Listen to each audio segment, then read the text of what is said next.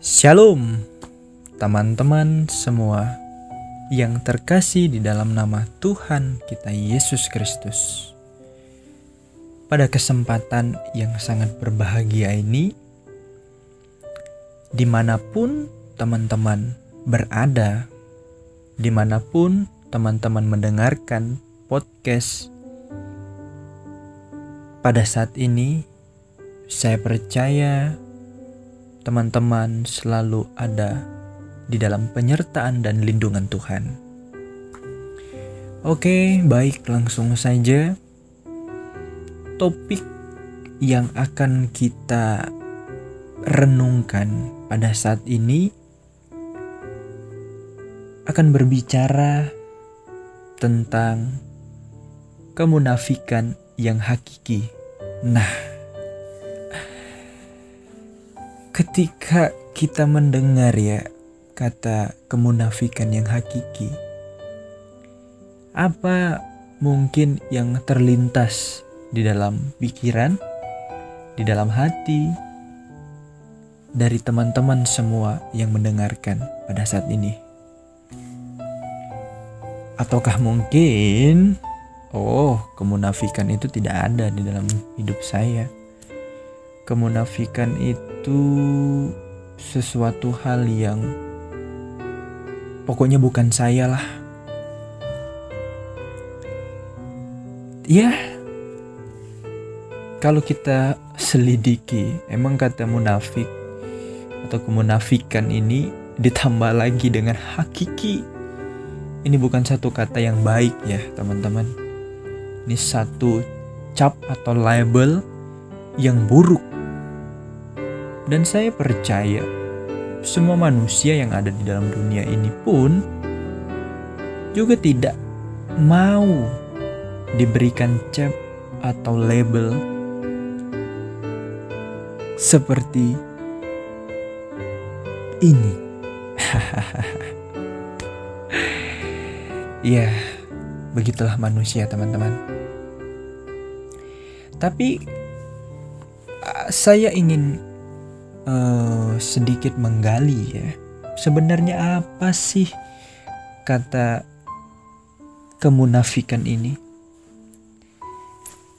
Dari kata Yunaninya, kemunafikan ini adalah hupokrites yang berarti seorang pemain drama berpura-pura percaya atau setia tetapi sebenarnya dalam hatinya tidak tak bisa dikatakan muka dua.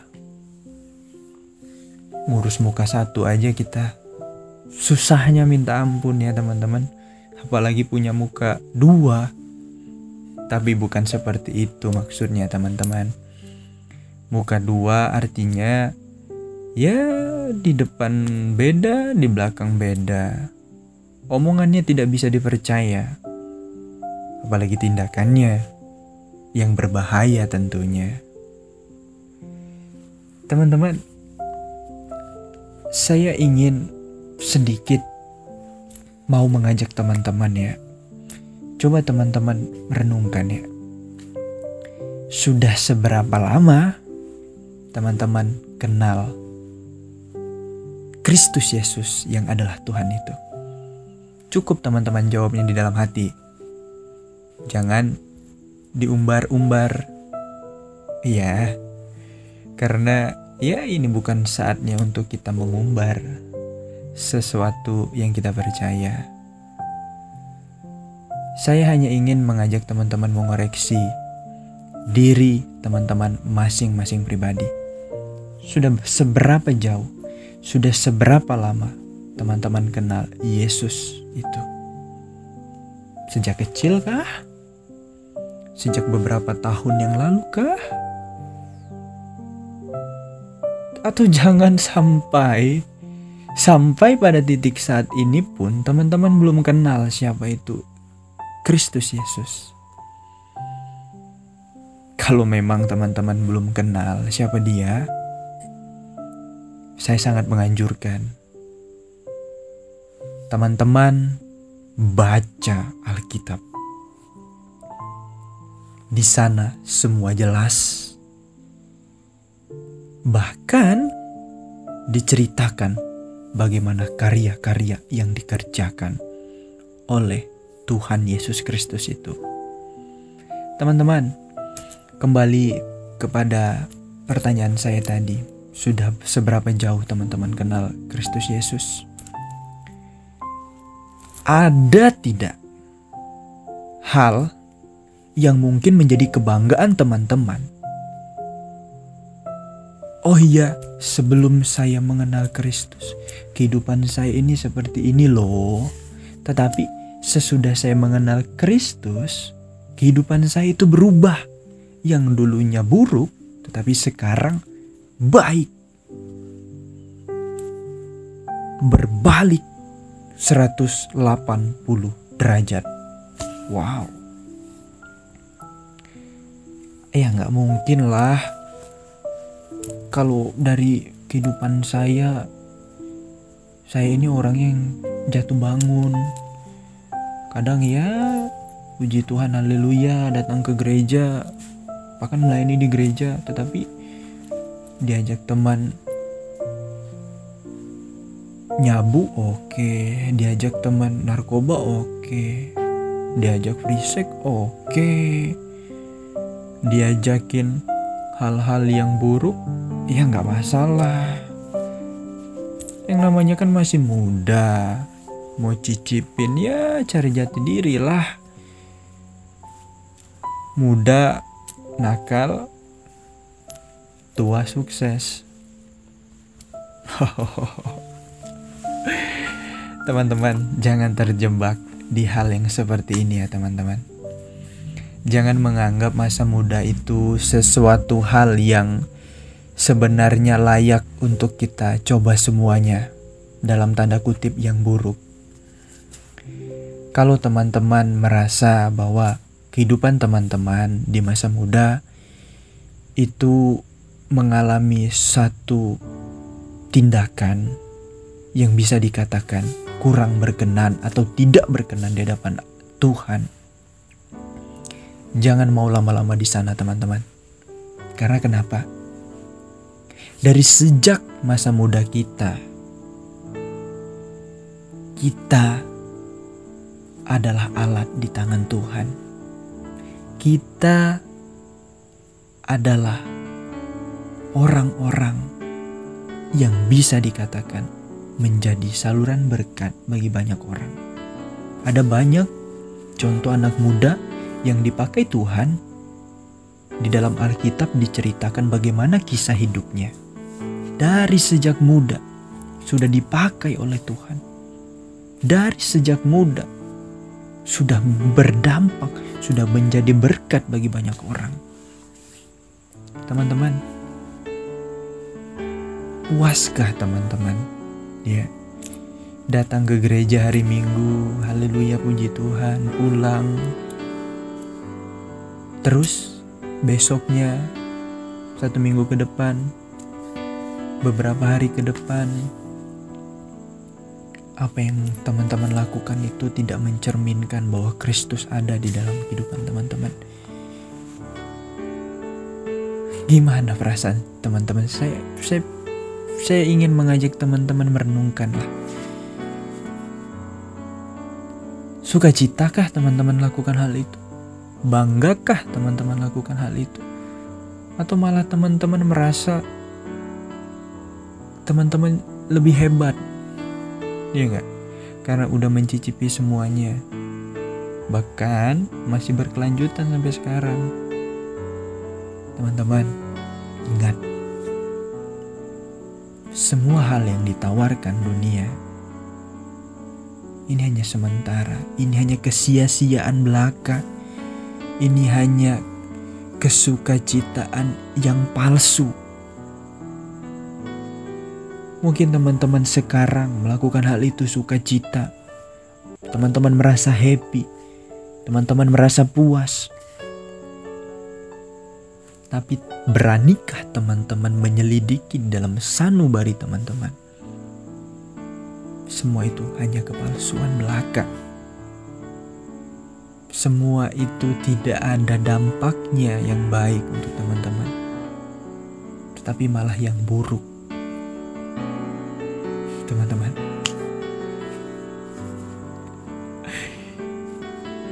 sudah layakkah kita sekarang dianggap orang yang munafik yang bisa dikatakan secara hakiki sempurna itu?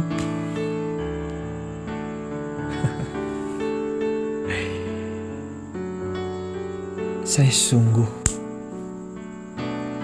rindu melihat siapa pun teman-teman.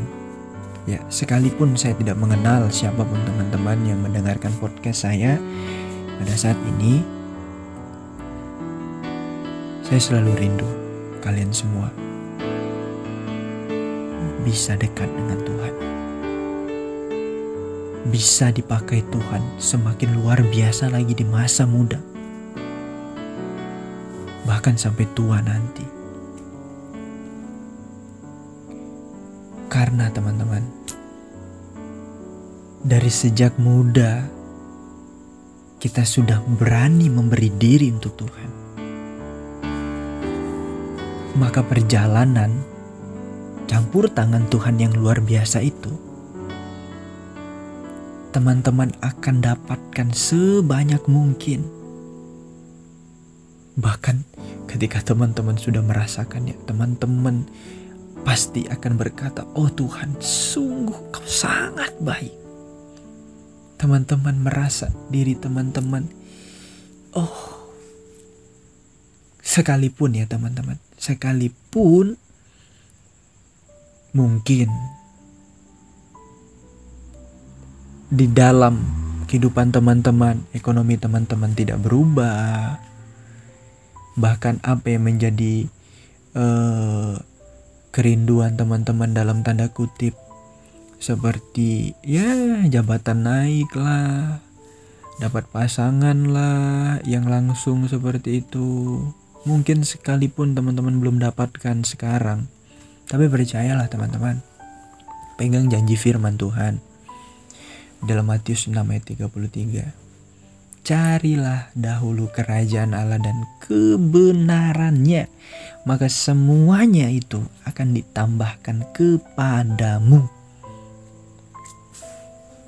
Semuanya loh teman-teman, bukan setengah, semuanya. Semuanya apa? Semuanya apa yang baik untuk kelangsungan hidup teman-teman. Itu akan yang diberikan Tuhan. Ingat, dia Tuhan Yesus Kristus. Dia adalah sang sumber berkat itu. Kalau teman-teman mencari sumber berkat itu, percayalah, berkatnya itu yang akan nantinya mencari teman-teman. Karena kenapa? Karena teman-teman sudah dapatkan sumbernya. Jadi tidak takut lagi dong dengan berkat-berkatnya yang lain. Teman-teman, saya berharap kita semua bukan orang-orang yang dapat diberikan cap atau label orang yang munafik. Kalau mungkin teman-teman sekarang merasa diri bahwa kehidupan teman-teman masih sangat jauh daripada Tuhan. Datanglah kepada Tuhan dengan hati yang jujur. Cari wajah Tuhan. Firman Tuhan berkata, "Jika kamu mengaku dosa kamu, maka Aku akan setia dan adil." yang akan mengampuni semua dosa dan pelanggaranmu. Tuhan sendiri yang berkata seperti itu loh teman-teman di dalam Alkitab. Cintailah Tuhan, milikilah hubungan pribadi dengan Tuhan. Dan bahkan teman-teman mempunyai waktu rindu merenungkan kebenaran firman Tuhan. Rindu berdoa datang kepada Tuhan, memohon kepada Tuhan Lakukanlah hal ini teman-teman. Teman-teman tidak akan rugi. Teman-teman tidak akan menjadi orang yang sia-sia jika teman-teman meluangkan waktu satu hari saja. Mungkin paling lama teman-teman merasa itu satu jam hanya untuk bersekutu dengan Tuhan. Jikalau memang teman-teman merasa uh, waktu teman-teman terlalu padat, teman-teman harus pandai mengatur. Mungkin mulai dari hal-hal yang terkecil, teman-teman, seperti berdoa sebelum tidur, seperti berdoa, mengucap syukur setelah bangun pagi, renungan saat teduh. Oh, teman-teman saya bisa menjamin kualitas hidup teman-teman. Kalau teman-teman bisa melakukan hal ini, pasti teman-teman adalah orang-orang yang berdampak di dalam kehidupan teman-teman. Karena kenapa? Orang-orang yang hidupnya sungguh dekat dengan Tuhan, mereka adalah orang-orang yang berbeda dengan orang-orang kebanyakan yang ada di dalam dunia ini. Karena kenapa? Orientasinya bukan tentang bagaimana saya, saya, saya, saya, saya saja. Tetapi orientasinya bagaimana Tuhan mau pakai saya menjadi alatnya, menjadi saluran berkat bagi banyak orang buah dikenal dari pohonnya. Titik loh teman-teman. Tidak pakai koma. Jadi kalau memang teman-teman ada di satu pohon yang baik, tentu buah yang teman-teman hasilkan akan baik juga. Tapi menjadi berbeda kalau teman-teman sekarang berada di posisi pohon yang buruk. Tidak mungkin teman-teman akan menghasilkan atau mendapatkan buah yang baik itu. Tidak mungkin, teman-teman. Tidak mungkin hal itu terjadi. Oh, teman-teman, Dia Tuhan, Yesus Kristus, menanti-nantikan untuk teman-teman bisa datang mencari wajahnya, berseru, dan bertobat dengan sungguh-sungguh. Memohon pengampunan yang daripada dia. Agar kenapa? Agar kehidupan teman-teman dapat dipulihkan. Belum terlambat teman-teman untuk datang kepada Tuhan. Masih ada waktu untuk lebih lagi memberi diri kepada Tuhan. Mungkin teman-teman sekarang sudah pelayanan. Mungkin teman-teman sekarang sudah dikatakan orang yang aktif di dalam gereja. Tetapi di dalam keseharian teman-teman. Teman-teman tidak mencerminkan Kristus itu ada. Bertobatlah teman-teman. Saya keras dalam hal ini. Jangan jadi orang munafik. Jangan menghancurkan nama Yesus Kristus. Nama yang suci itu. Nama yang sangat berkuasa itu di mata orang yang belum percaya. Jangan permalukan Tuhan.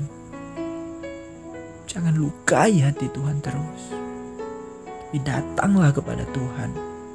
Layanilah dia karena dialah yang layak mendapat pelayanan dari kita. Karena dia terlebih dahulu mau melakukannya untuk kita teman-teman. Pengorbanan yang udah sempurna di atas kayu salib. Demi apa? Demi kita semua yang berdosa. Tidak ada satu manusia pun yang bisa berkata saya layak dan masuk ke dalam kerajaan sorga tanpa dia mengalami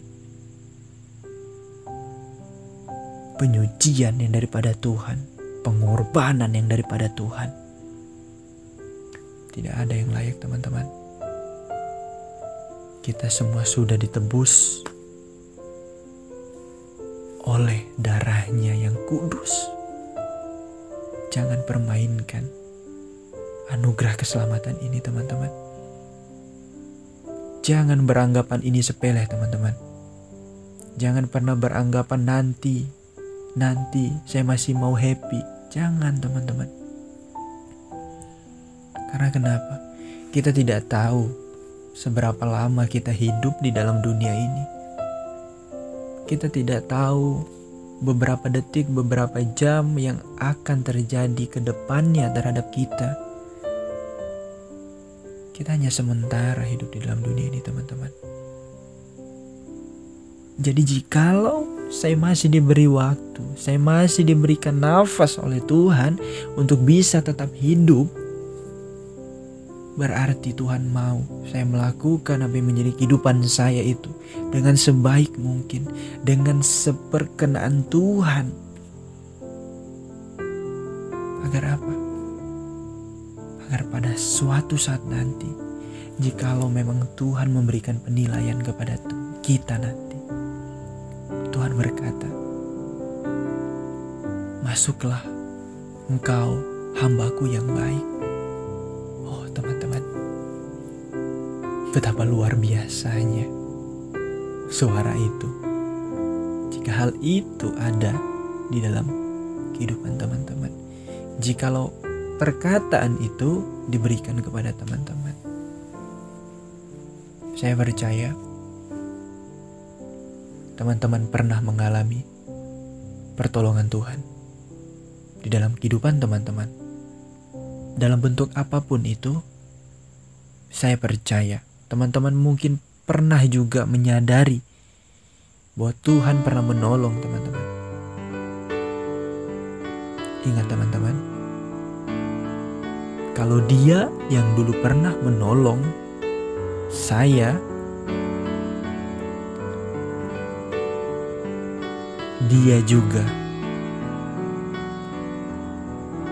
yang di dalam kehidupan saya tidak akan saya kecewakan. Oh, luar biasa. Jika kita semua orang percaya, berani lebih lagi memberi diri untuk Tuhan. Berani lebih sungguh lagi hidup berbeda di dalam dunia ini teman-teman. Ada ayat firman Tuhan yang ingin saya bagikan untuk teman-teman semua. Ayat firman Tuhannya terdapat di dalam Amsal 19 ayatnya yang ke-23 teman-teman. Demikian firman Tuhan, takut akan Allah mendatangkan hidup, maka orang bermalam dengan puas, tanpa ditimpa malapetaka. Oh, luar biasa teman-teman. Dilanjutkan di dalam Amsal yang ke-21 ayatnya yang ke-21. Siapa mengejar kebenaran dan kasih akan memperoleh kehidupan, kebenaran, dan kehormatan. Jadilah pribadi-pribadi yang semakin lagi mau dipakai Tuhan. Jadilah pribadi yang berbeda yang berdampak positif baik di dalam dunia ini teman-teman. Saya percaya Tuhan Yesus Kristus sangat mengasihi teman-teman semua. Sejauh apa pun itu teman-teman hidup di dalam dosa, seburuk apa pun, sebobrok apa pun itu, percayalah bahwa pengampunan Tuhan itu selalu menjadi bagian daripada teman-teman. Jikalau teman-teman sungguh mau mengakuinya di hadapan Tuhan dan minta ampun dan bertobat. Kiranya podcast yang teman-teman dengarkan pada malam hari ini memberkati, dan mengubahkan kehidupan teman-teman. Dan kiranya Kristus Yesus selalu menyertai kita sampai kapan pun. Terima kasih, teman-teman. Shalom.